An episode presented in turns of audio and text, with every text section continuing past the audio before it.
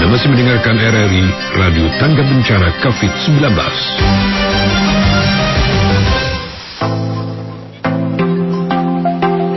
Untuk mengisi waktu libur sekolah kamu, RRI Bogor menghadirkan program belajar di RRI Kelas Inspirasi memperkenalkan berbagai macam profesi menarik untuk kamu yang menginspirasi untuk mempersiapkan cita-cita di masa depan dengan narasumber yang profesional serta praktisi dunia usaha dan dunia kerja yang digelutinya seperti perawat, dokter, jurnalis, penyiar dan presenter, barista, blogger, dan masih banyak lagi. Belajar di RRI kelas Inspirasi hadir selama libur sekolah kamu mulai tanggal 26 Mei 2020 setiap Senin sampai Jumat jam 10 pagi. Hanya di 106,8 FM, 102 FM, 1242 AM RRI Bogor dan 98,2 FM untuk kamu yang ada di Sukabumi. Belajar di RRI kelas Inspirasi, rencanakan masa depanmu di kelas Inspirasi.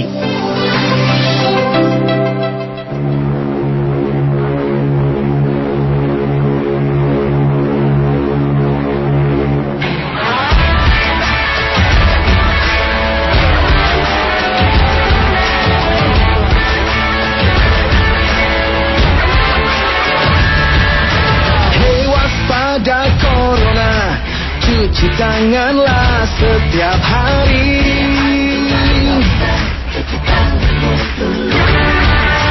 Jaga selalu jarakmu Ketika kita berinteraksi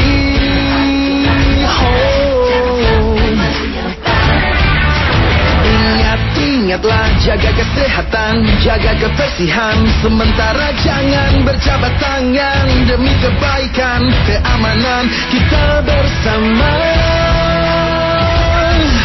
Marilah bersatu padu. Stop penyebaran virus corona. Tetap tenang, tidak panik. Tingkatkan kewaspadaan. Marilah kita berjuang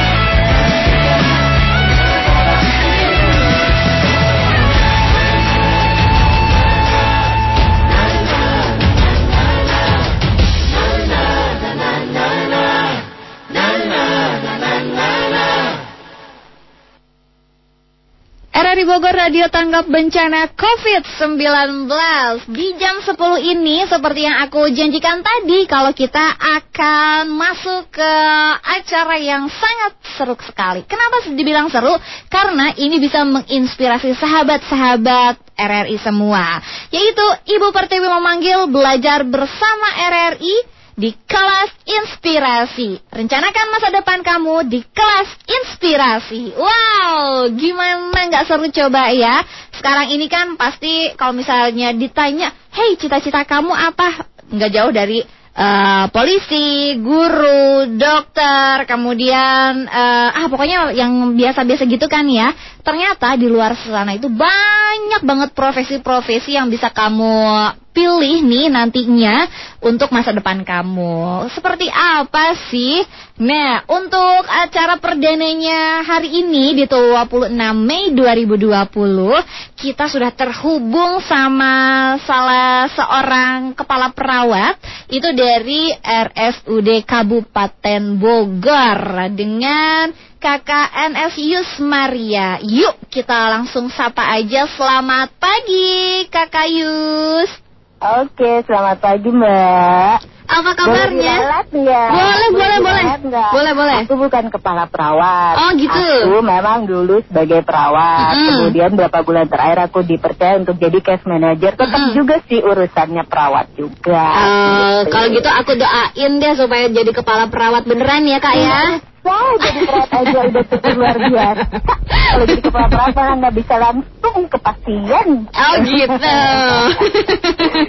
ya udah aku doain bahagia aja deh ya kak ya. Oke, nah itu yang penting. Apa pun Baik. profesinya, bahagia pilihannya. Itu. Betul.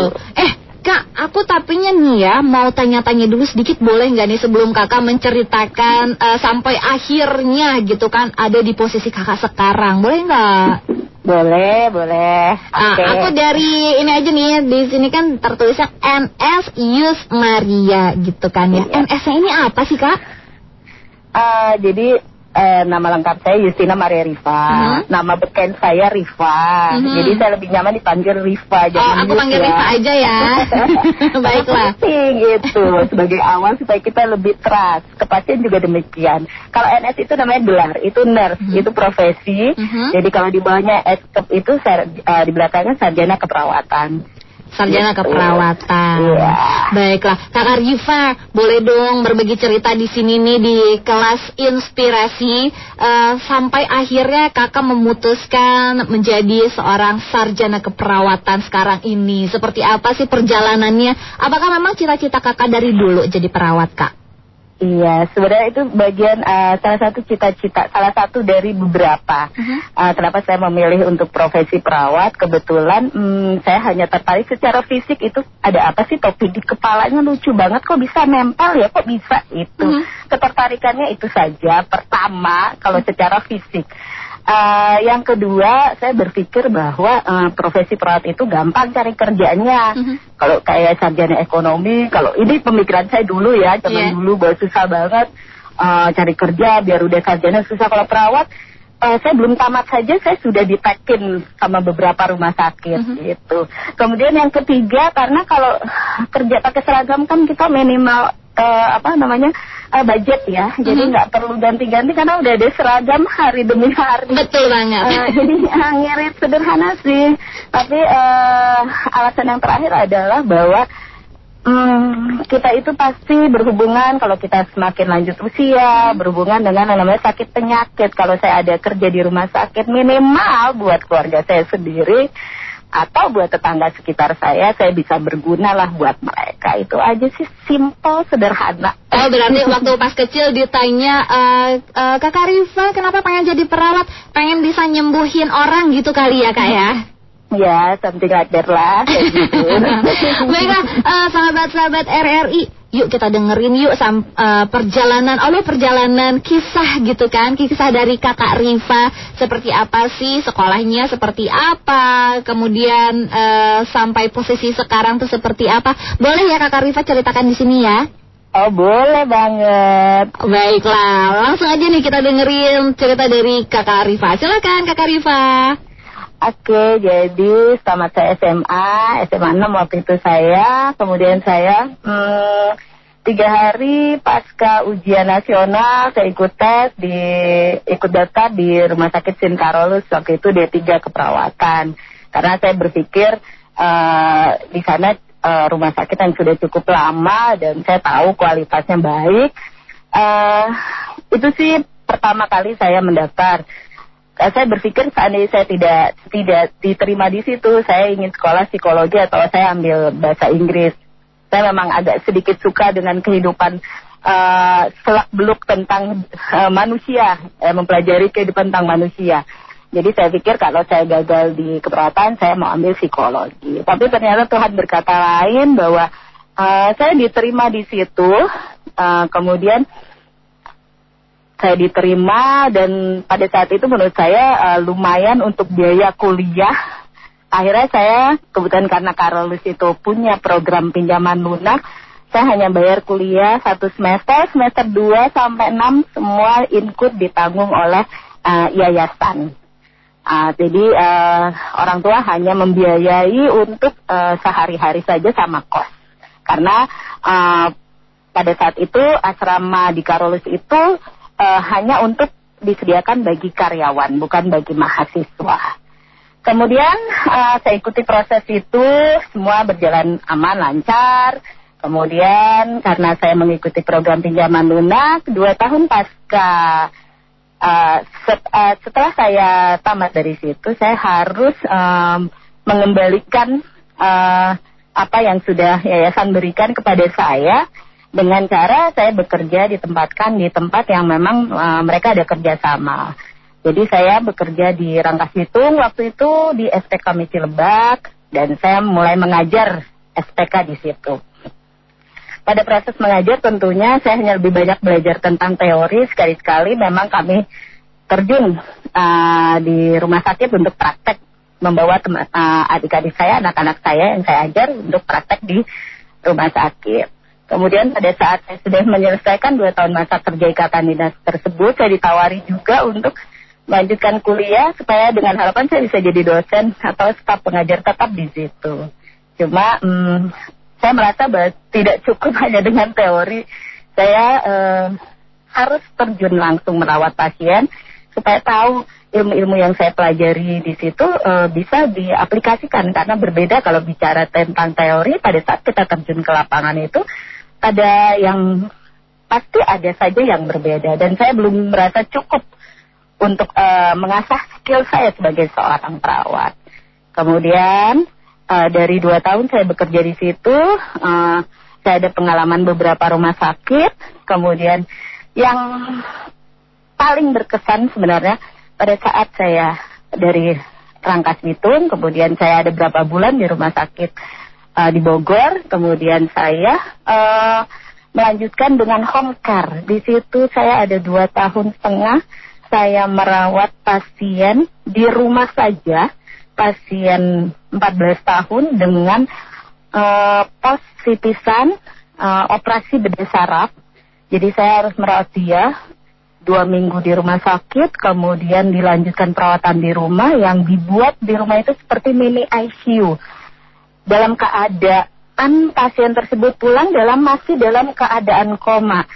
Itu tantangan buat saya karena satu, saya tidak bekerja di rumah sakit tapi saya bekerja di salah satu rumah yang saya ya mau tidak mau saya harus mengikuti beradaptasi dengan habit yang punya rumah dan pasien itu sendiri menghadapi orang tua yang cemasnya tingkat dewa di mana dia mempercayakan kami untuk merawat anaknya itu satu hal yang sangat-sangat luar biasa dan pembelajaran hidup yang luar biasa. Di situ saya diterpa bagaimana saya harus sabar sebagai seorang perawat. Saya harus bi bisa menguasai diri. Saya harus meyakinkan keluarga pasien dan pasien harus saya rawat. Sekalipun tidak ada yang melihat. Karena pada saat saya merawat pasien tersebut, pulang dalam keadaan koma dengan kondisi yang tidak stabil, uh, saya harus bisa berkoordinasi dengan dokternya, dengan keluarganya, perubahan sekecil apa pun harus saya report, harus saya kasih laporan ke keluarga dan ke dokter. Dan saya harus menghadapi intervensi keluarga yang luar biasa. Uh, secara logika manusia mungkin kalau kita memupuk ego kita, kita memberi makan ego kita, mungkin kita akan keluar bahasa mentang-mentang aku dibayar sama dia, mereka atur aku seenak-enaknya. Itu kalau kita bicara dari sisi yang negatif. Tetapi saya melihat saya tidak mau memilih sisi negatif. Saya melihat dari satu sisi yang positif bahwa wajar mereka melakukan intervensi yang luar biasa dikarenakan itu adalah anak pertama mereka yang mereka sudah persiapkan. Sudah punya dana untuk dia melanjutkan SMA dan dia kuliah di luar negeri. Ternyata Tuhan berkehendak lain, dia harus jatuh dalam kondisi koma pada saat dia baru tamat SMP kelas 3 dan anak itu pintar. Eh, saya memposisikan seandainya saya orang tua mereka pasti saya akan melakukan hal-hal tersebut. Tapi itu sekali lagi itu merupakan suatu tantangan buat saya dan saya bersahabat dengan kondisi tersebut. Sehingga pada akhirnya pada seluruh perjalanan perawatan tersebut dari beberapa eh, beberapa orang yang harus eh, merawat kemudian karena biaya dan segala macam diminimalkan eh, salah satunya saya dipilih untuk tetap merawat pasien tersebut 12 jam dari jam 7 pagi sampai jam 7 malam. Saya tidak ke mana-mana di dalam rumah. Jadi uh, memang benar-benar fokus gitu ya kak ya Iya, untuk ber- betul banget. Wow, betul. Ya, betul banget. Dan bagi saya intervensi mereka itu satu hal yang wajar. Tetapi di situ saya justru mengasuh kemandirian saya, asuhan keperawatan saya eh, yang yang berbeda sekali waktu kita belajar di bangku sekolah. Karena lebih banyak teori. Ternyata pada saat kita aplikasi ketemu pasien dengan kondisi begini ternyata kita harus bagaimana kita kreatif untuk tetap merawat pasien itu. Walaupun mis- sebagai contoh case gini. Pasien ditinggalkan di rumah orang tua kerja. Cuma saya pembantu dan supir dan ada adiknya. Kalau pulang sekolah hanya itu kami ber kalau saya menggunakan kesempatan itu untuk sesuatu hal yang tidak baik, saya bisa saja. Orang tidak ada yang tahu kok, tidak ada CCTV terpasang. Saya bisa rawat asal-asalan. Hmm, benar banget. Eh, tapi tidak, karena saya merasa anak itu bukan pasien saya. Saya menganggap dia adik saya dalam kondisi koma. Saya hanya minta difasilitasi musik dulu musik eh, lagu kan yang lagi ngetop ngetop tuh Westlife dong. Mhm. Otomatis saya minta ke keluarganya, ke bapak ibunya, sediakan saya musik, sediakan saya buku-buku cerita. Jadi mereka uh, untungnya mereka kooperatif karena mereka cukup berpendidikan, jadi nyambung dong dengan cara berpikir saya. Sekalipun anak itu koma, saya setelin lagu, saya bacakan cerita, Uh, karena pendengaran adalah uh, pendengaran itu organ terakhir yang rusak. Jadi dia masih mendengar hal-hal yang baik. Sampai tiga bulan saya merawat, walaupun dia tidak ada feedback, saya tetap merawat, saya jam bicara. Di sela-sela dia tidur, karena ada adiknya, saya mengasuh adiknya juga. Double jadi ya Eh, kak ya. Do- double, saya mengasuh supaya saya membimbing adiknya supaya bisa memberikan terapi buat kakaknya, gitu. Jadi sebenarnya saya mengasuh, saya mengharapkan adiknya itu juga kalau tidak ada saya, dia bisa menggantikan peran saya, gitu. Jadi begitupun dengan pembantunya, begitupun dengan drivernya. Jadi eh, mereka juga sedikit saya kasih masukan, kasih saya kasih terapi demi untuk si kakaknya ini yang sakit dan itu memang memang luar biasa. Tiga bulan saya merawat pasien itu dalam keadaan koma.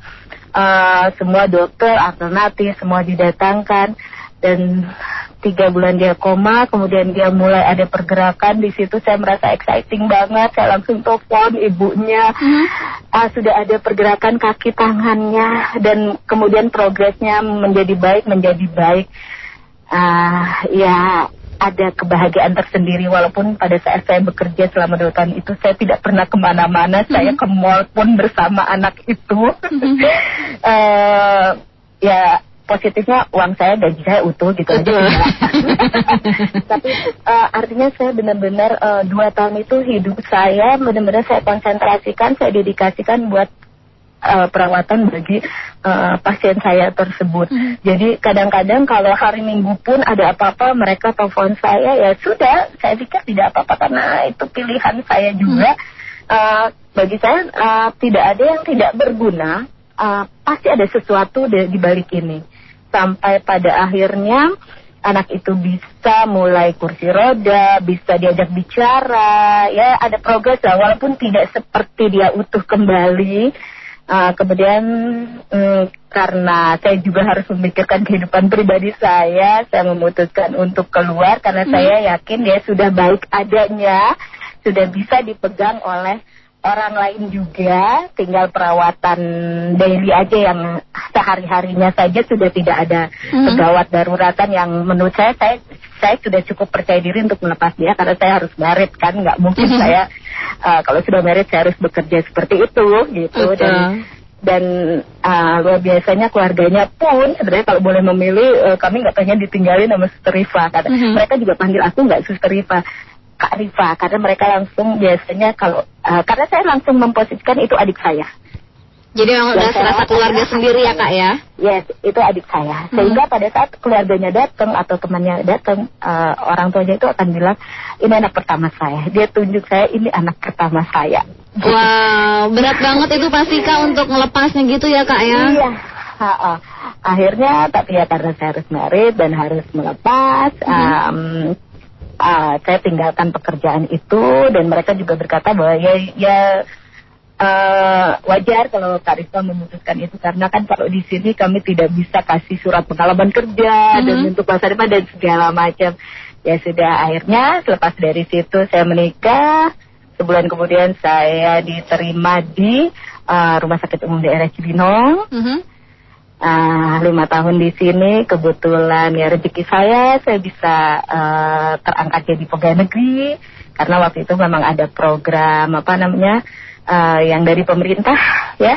Jadi eh, kami terseleksi dan masuk. Dan sampai saat ini ya saya masih bertahan di sini karena saya mencintai pekerjaan saya. Baiklah, kayaknya udah memang udah bersatu banget sama jiwa nih kan ya kak ya. Ya, nah, karena memang apa ya, hmm, mungkin eh, saya tidak tahu profesi lain, saya tidak bicara dengan profesi lain, Mhm. tapi yang saya tahu pada saat saya memilih sesuatu ya saya harus bertanggung jawab terhadap pilihan saya dan saya harus bahagia. Betul hanya kita yang ciptakan banget. kebahagiaan itu, bukan orang lain. Kalau kalau kita membicara hanya melihat susahnya perawat Mhm. banyak mbak. Banyak Kalau banget ya.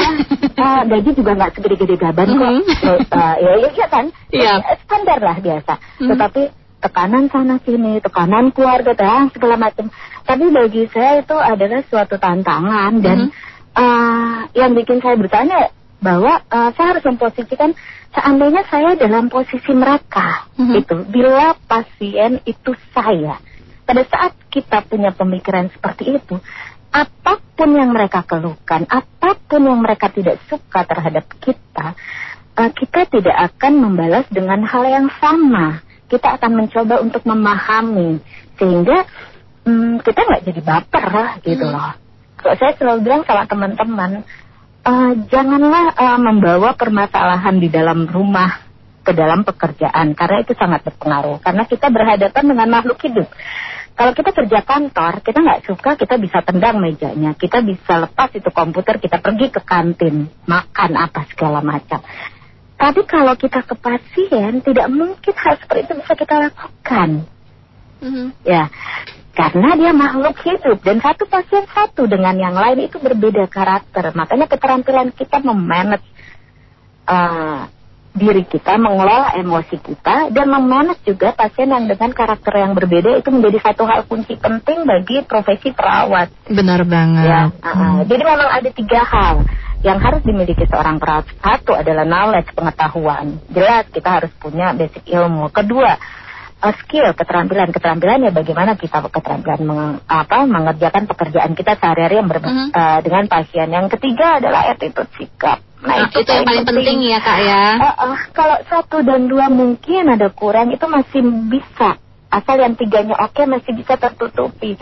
Tapi kalau tiga yang udah bermasalah satu dan dua baik pun hmm, hasil akhirnya tetap tidak luar biasa. Betul banget. Jangan Bukan sampai ada kata-kata gini ya iya. kak ya abis apa abis dirawat pasiennya bilang ah saya nggak mau sama perawat itu judes. Jangan sampai gitu ya kak ya. Yes, yes, betul banget. Ternyata kan Ah, em, tidak mudah, eh, tidak mudah untuk kita memproyeksikan diri kita sebagai seorang perawat yang memang mampu-mampu untuk merawat. Karena bukan hanya fisik, tapi ternyata jiwa juga harus kita miliki untuk mempunyai kita kemampuan merawat jiwa-jiwa pasien kita. Yang datang dari rumah sakit itu bukan hanya soal persoalan Mhm. fisik kok.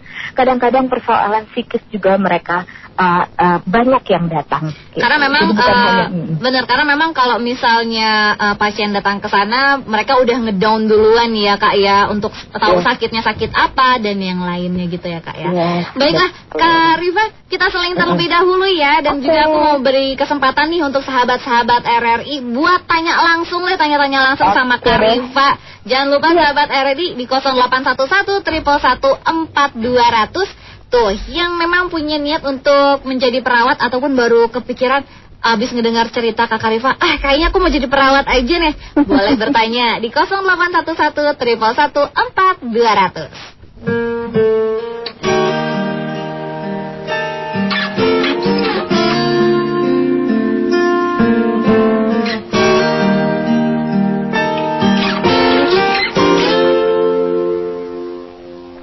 Di suatu hari tanpa sengaja kita bertemu. Aku yang pernah terluka Kembali mengenal cinta. Hati ini kembali temukan Senyum yang hilang. Semua itu karena dia. Oh Tuhan Ku cinta dia Ku sayang dia Rindu dia Inginkan dia. Utuhkanlah Rasa cinta di hatiku. Hanya padanya Untuk dia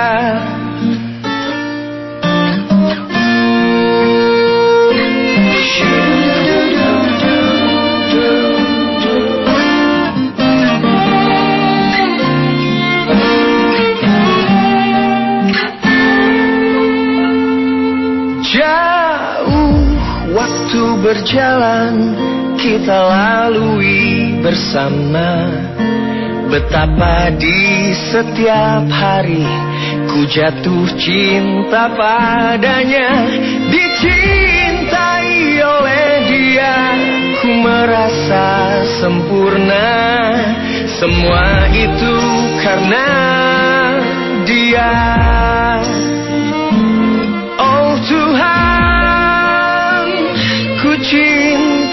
dia, ku sayang dia, rindu dia, inginkan dia.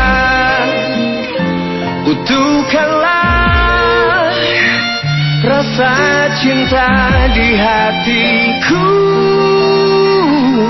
hanya padanya untuk dia.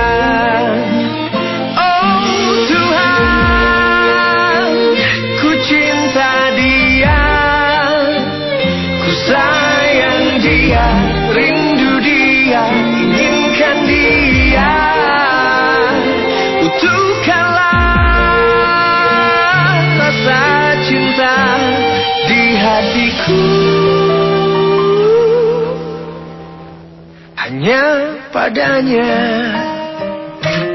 untuk dia. Hanya padanya.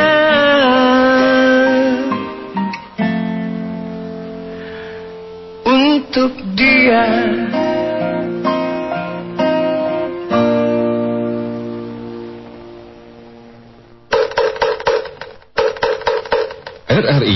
Radio Tanggap Bencana. Pi, aku pergi dulu ya. Assalamualaikum. Hehehe, bye. Mau ke mana kamu? Main assalamualaikum aja. Mau main Pi keluar sama teman-teman. Astaga, bye bye. Kamu itu disuruh belajar di rumah demi menghindari penularan virus corona, menghindari kerumunan banyak orang. Ini malah mau kumpul-kumpul. Di saat sekarang ini, kita diminta untuk tidak ke mana-mana, untuk sama-sama menekan penyebaran virus corona. Sekarang papi tanya sama kamu, sebagai pelajar, apa yang sudah kamu perbuat buat negeri ini? Nggak tahu Pi. Belajar mungkin. Bye-bye. Belajar itu kewajiban. Hal yang sekarang harus dilakukan saat pandemi corona, patuhi instruksi pemerintah. Dan kalau kamu belum mampu berbuat banyak untuk negeri ini, berusahalah untuk tidak menyusahkan pemerintah. Ngerti kamu, Bay? Oh, gitu ya Pi. Bayu ngerti kok. Demi kebaikan kita semua kan? Nah, gitu dong. Itu baru anak papi. Udah di rumah aja ya. Bayu. Ya udah, karena nggak jadi keluar, Bayu minjem laptopnya ya Pi. Mau main game. Udah Bayu di kamar ya Pi. Bye Papi. Eh, eh, Bay, Bay, Bayu. Tapi papi kan lagi kerja. Aduh, anak zaman sekarang ngegame terus. Tapi mendingan lah daripada dia keluar rumah. RRI Radio Tanggap Bencana.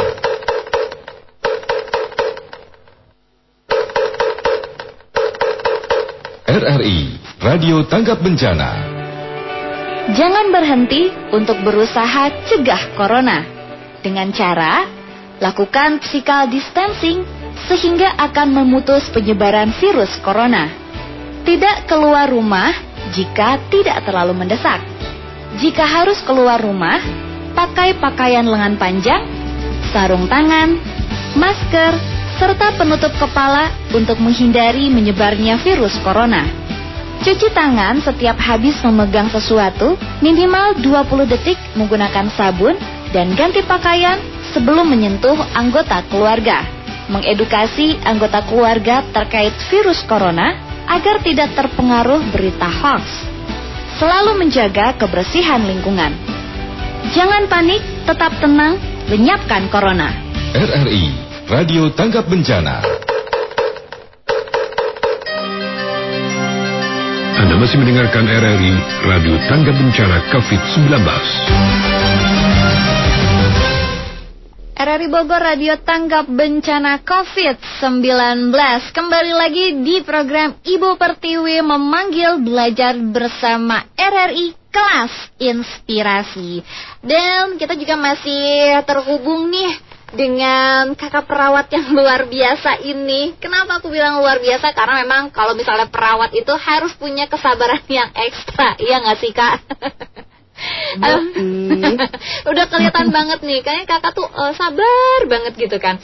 Nah, uh, kak, ini udah ada yang mulai tanya-tanya nih. Boleh saya bacain dulu ya? Oke. Okay.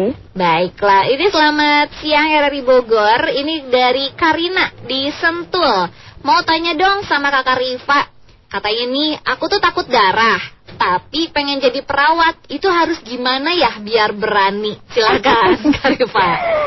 Ya biar berani. Bagaimana tahu kamu bahwa la, bahwa misalkan darah itu dalam kalau kamu tidak menyebur, ya hmm. nggak hmm. apa-apa liatin aja darahnya. Darahnya nggak akan lari biar kamu kok. Dia akan tetap diam di tempat. Hadapi, hayati dan nikmati nanti lama-lama akan terbiasa. Saya juga gitu kok lagi awal-awal lihat darah yang banyak kaget dong ah, darah sebanyak mm -hmm. ini tapi lama-lama kita terbiasa ya memang hadapi hayati dan nikmati aja Rina oh jadi ini dinikmatin aja sama kayak aku berarti hmm. nih uh, Karifa Karina ini uh, dia takut darah aku kalau misalnya ngeliat darah misalnya banyak kayak gitu suka pusing gitu loh kak hmm Ya, biasanya itu adalah respon awal uh-huh. karena kita belum terbiasa. Tetapi uh-huh. pada saat kita punya satu niatan yang teguh bahwa saya harus membantu orang, saya harus membantu merawat, itu akan mengalahkan ketakutan kita. Uh-huh. Gitu.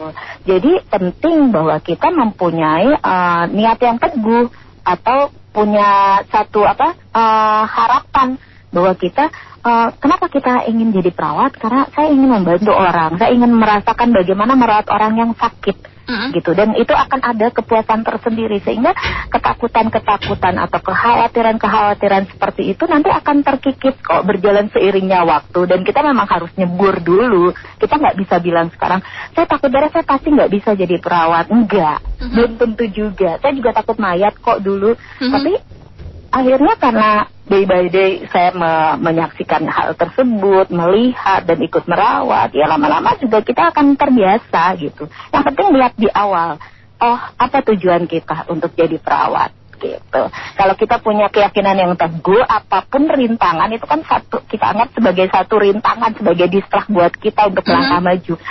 Saya rasa apa pun, profesi apa pun kalau kita geluti dan kita niatkan memang kita mau menggeluti, tantangan itu akan menjadi uh, bukan menjadi uh, hambatan tidak akan me menjadikan suatu hal yang menghambat kita tapi itu merupakan suatu tantangan buat kita. Oh, berarti bisa. Berarti uh, cara untuk ngatasinnya itu uh, dibiasakan dulu aja gitu kan ya kak ya untuk ya, dipaksakan dulu. Kita, hmm. ya, niat kita apa gitu loh. Kalau kita memang yang saya bilang tadi bahwa kita yakin teguh karena saya ingin jadi perawat, saya ingin mencoba merawat, ingin membantu mereka yang sakit. Bagaimana sih mendampingi mereka yang sakit, ikut terlibat di dalam proses pemulihan saya yakin kok yang kayak begitu-begitu mah akan terlewati gitu.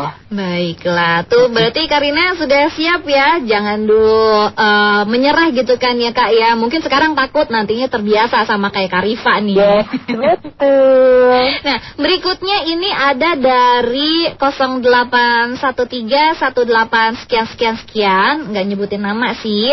Eh, Aku mau tanya sama Karifa, kira-kira kalau misalnya jadi perawat, pelajaran apa aja sih yang harus bagus nilainya? Silahkan. Em, wah itu kayaknya pas banget buat saya. Saya juga nggak ada eh, yang menonjol dalam salah satu nggak terlalu menonjol lah ya. Biasa aja nilai-nilai saya juga standar-standar saya ya biasa. Tetapi sebenarnya eh, ya itu tadi yang saya bilang kita modal kita adalah tiga. Tadi adalah knowledge pengetahuan, kemudian skill, kemudian attitude. Nah knowledge ini apa aja? Ya kalau pelajaran saya juga kemarin eh, waktu lalu dari biologi. Dari IPS juga bisa kok. Oh, bisa kak dari Ah, IPS? Bisa, ada beberapa eh, ada beberapa pendidikan yang bisa menerima eh, basic IPS. Mungkin ada yang tidak juga saya kurang tahu, tapi ada yang bisa. Dari IPS juga bisa. Eh, kuncinya sih kalau pelajaran itu kan eh, bi- mudah untuk dipelajari. Sekarang kita banyak media untuk kita eh, menambah pengetahuan kita secara teori tentang eh, ilmu tubuh, fisiologi tubuh, patologi, anatomi dan segala macam lah ya. Itu bisa dipelajari. Tetapi eh, output yang kita harapkan pada saat kita menjadi perawat itu bukan hanya sekedar eh, pengetahuan umum, tetapi bagaimana kita mampu eh, secara emosi eh, pada saat kita melakukan perawatan terhadap pasien yang timbul adalah rasa empati bukan simpati. Jadi bagaimana kita ikut merasakan yang pasien rasakan tetapi tidak terlibat terlalu dalam atas emosi yang pasien rasakan. Dan itu uh, ilmu yang itu mungkin agak sulit karena kita harus benar-benar langsung terjun langsung. Kalau ilmu yang pengetahuan umum itu kan kita dapatkan di bangku kuliah, di bangku sekolah, ya kan? Kita bisa belajarnya di mana aja. Tetapi pada saat untuk ilmu bagaimana kita memahami kondisi psikologis pasien adalah pada saat kita berinteraksi sama pasien. Jadi kalau memang eh, tadi nggak ada namanya ya, ya Iya. kalah Hmm. itu ya ah, yang bertanya. eh, kalau soal pelajaran pengetahuan umum, saya yakin kita ada niat belajar ya pasti bisa-bisa aja lah. Saat ini mau SKS juga besok mau ujian, kita belajar dapat nilai yang bagus cukup lah. Tetapi yang harus kita pelajari terus menerus adalah bagaimana kita mengasah attitude kita, bagaimana kita mengasah sikap kita untuk supaya kita bisa mempunyai eh, rasa caring atau rasa perhatian terhadap pasien. Ibaratnya kita percuma kita pintar, kita eh, nilai kita bagus atau kita secara teori oke, tapi kita tidak ada rasa caring sama pasien yang kita layani atau keluarga pasien itu menjadi tidak ada berarti. Bukan ber- bukan artinya bahwa nilai tidak penting itu juga penting. Tetapi akan menjadi lebih penting jika kita punya caring. Nah caring itulah yang uh, pelajaran yang tidak mudah yang harus kita biasakan dari sekarang gitu Baik, pertanyaan berikutnya sudah siap Kak Karifa? Oke. Ini Karifa salam kenal dari Lutfi di TSP. Katanya nih eh, Karifa perawat itu cakupan kerjanya seperti apa sih Kak? Silakan Karifa. Hmm, Oke, kalau untuk perawat itu, jadi eh, bisa eh, kalau kita bicara perawat, dia kalau dia tiga itu kan kita anggap sebagai vokasional. Kalau untuk saat ini, jadi di Undang-Undang Keperawatan itu itu vokasional artinya bukan sebagai profesi. Yang dianggap sebagai profesional adalah S1. Kalau dulu S1 misalkan sarjana keperawatan sudah dikatakan profesional, tapi sekarang ber- berjalan seiringnya waktu ada ada peraturan baru, eh, dia harus disertai dengan nurse. Jadi ada profesinya. Jadi kayak saya nurse, Sisi nama Maria Rifa Eskep itu baru diangkat sebagai eh, profesional. Jadi kalau cakupan kerja eh, ada juga yang namanya perawat manajer. Kalau kita em, eh, masuk ke dalam dunia manajer berarti eh, seperti misalkan nih saya saya bicara saya dulu ya. Eh, waktu pertama saya D3 saya perawat fungsional yang saya kena shift dan segala macam Kemudian ada peningkatan karir, saya jadi kepala ruangan, tapi harus disertai dengan uh, peningkatan keilmuan juga, makanya saya ambil S1 keperawatan dan nurse itu. Nah, kalau untuk yang fungsional, yang kena shift, ya dia yang langsung bertujuan langsung dengan si pasien, bagaimana merawat pasien, ya. Ah, kemudian kalau untuk udah tahap sebagai kepala ruangan, berarti dia lebih banyak kegiatan manajerial yang bagaimana dia harus mengatur satu komunitas untuk itu, misalkan satu ruangan A, dia harus mengatur bagaimana pelayanan pasien oke, hubungan dengan dokter oke, dan segala eh, apa namanya eh, kebutuhan-kebutuhan ruangan itu terpenuhi. Itu. Kemudian eh, dari kepala ruangan bisa meningkat lagi, apakah jadi kepala bidang keperawatan atau kepala seksi keperawatan itu jenjang karirnya seperti itu.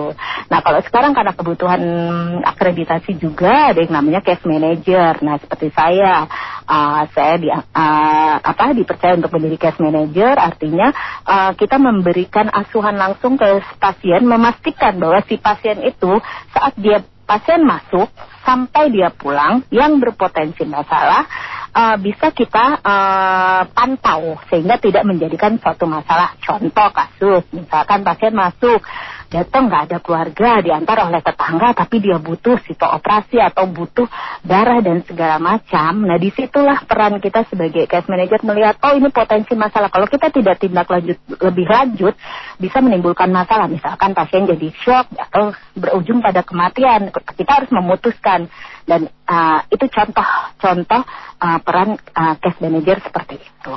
Mungkin gambarnya seperti itulah ya. Baik, satu lagi boleh nih ya kak ya. Ah, ini dari eh, Citra di Tanah Baru. Kak, bidan sama perawat sama nggak? Sekolahnya berapa lama? Makasih. Silakan Kak Berbeda Karifa. sayang Citra, berbeda. Kalau bidan itu berbeda dengan perawat ya. Jadi dia ada profesi tersendiri. Kalau bidan itu lebih kepada sistem eh, ginekologi, bagaimana dia membantu eh, ibu-ibu dalam melahirkan. Dia lebih kepada seperti itu. Sedangkan kalau untuk perawat semua sistem tubuh eh, kami pelajari. Jadi mau kita mau merawat pasien yang anak atau geriatri yang orang tua atau eh, pasien stroke itu eh, itulah ranahnya si perawat. Tapi kalau bidan lebih kepada hmm, pertolongan persalinan dan yang seputar ibu-ibu eh, pos melahirkan atau se- eh, ibu-ibu dari mulai kehamilan sampai dia lahiran seperti itu.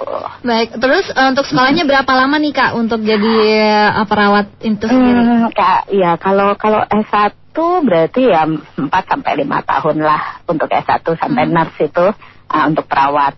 Kalau bidan kalau tidak salah dia ada D4-nya. Dia eh, kalau tidak salah ya saya agak kurang paham kalau bidan eh, sampai pada D4.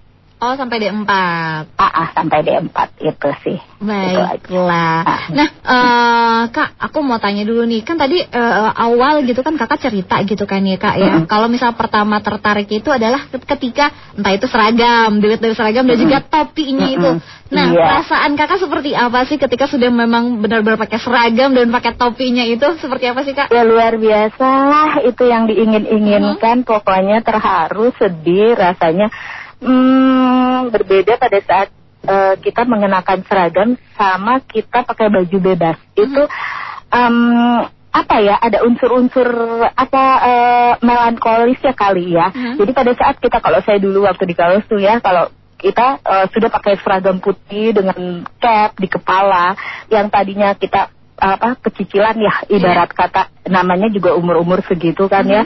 Em, ya kita langsung set, seperti dihipnotis dengan pakaian tersebut dan kita harus men- eh, menampilkan sisi keibuan seorang perawat Mhm. gitu loh. Jadi berbeda kalau kita sudah pakai baju itu, rasanya langsung eh, secara psikologis kita harus menampilkan bahwa walaupun kami kamu masih dalam proses perkuliahan atau belajar, tetapi kamu sudah menggunakan baju itu, eh, perilakumu juga harus tercermin terhadap eh, baju yang kamu pakai itu gitu jadi berbeda nanti kalau kita sudah ganti baju nih ya di kamar ganti ya udah aslinya pasti muncul gitu. Jadi, Jadi, eh, pencicilan lagi apa gitu ya, Kak, ya? Ah iya, iya Eh, lebih agak tidak terkontrol. Kalau baju itu bikin eh, kita bisa untuk sebagai mengontrol diri.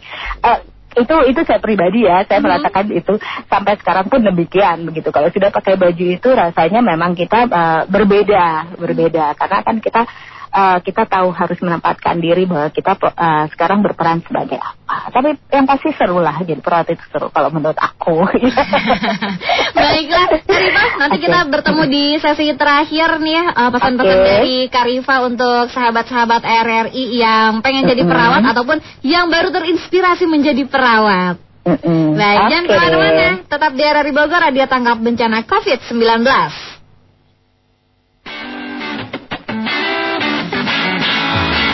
Miss you, baby.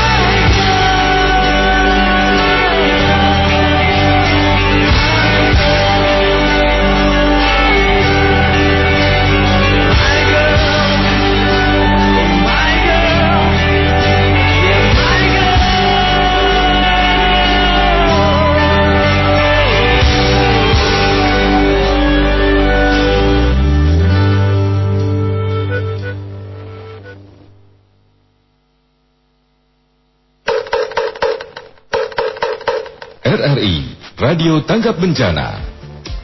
Banyak orang yang masih percaya jika virus corona dapat menyebar langsung melalui udara. Badan Kesehatan Dunia WHO menegaskan bahwa penyebaran virus corona sebenarnya ditularkan melalui droplet atau tetesan yang keluar ketika orang yang terinfeksi virus batuk, bersin, atau berbicara. Karena tetesan ini terlalu berat untuk bertahan di udara, sehingga akan cepat jatuh ke tanah atau menempel ke permukaan yang ada di sekitarnya. Tetaplah berpikir positif dan jangan panik berlebihan soal isu corona. RRI Radio Tanggap Bencana.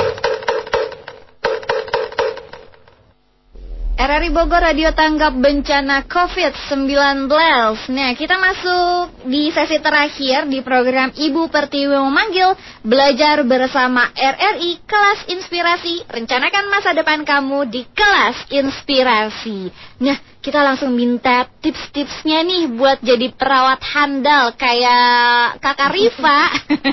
Kakak Riva silakan. Oke.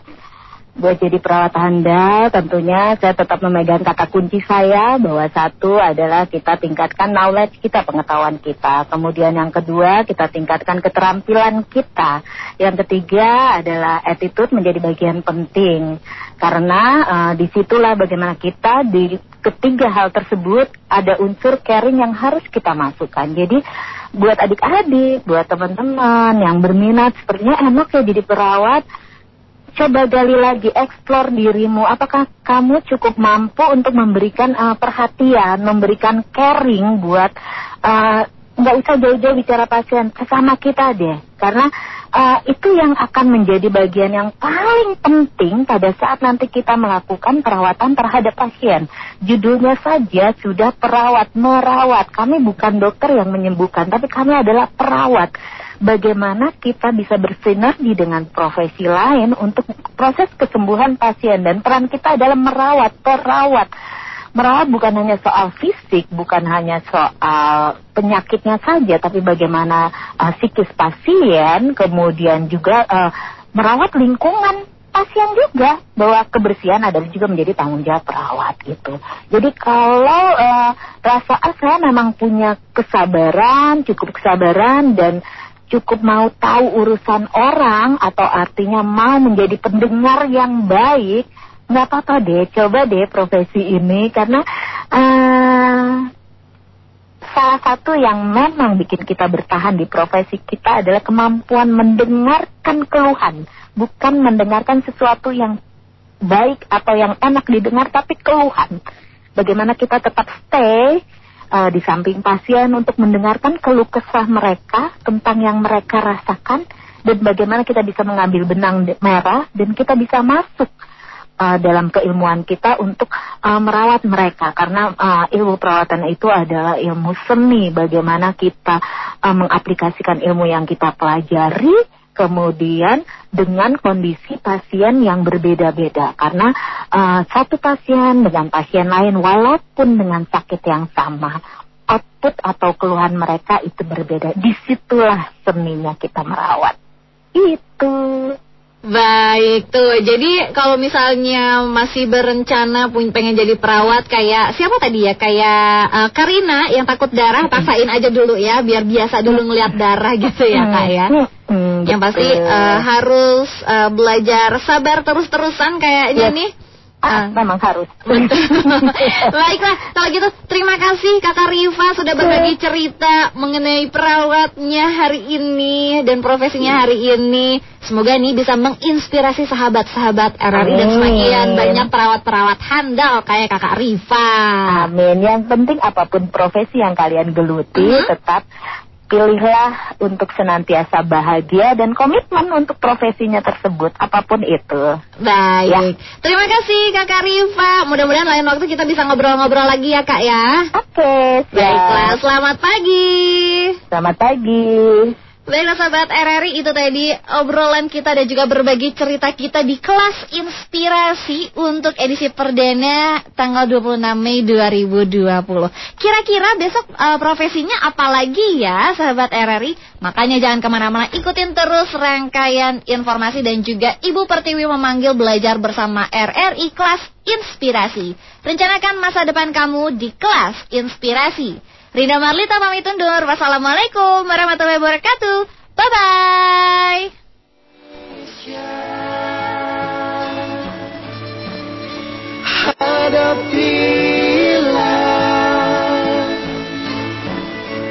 Dengan tulus dan ikhlas.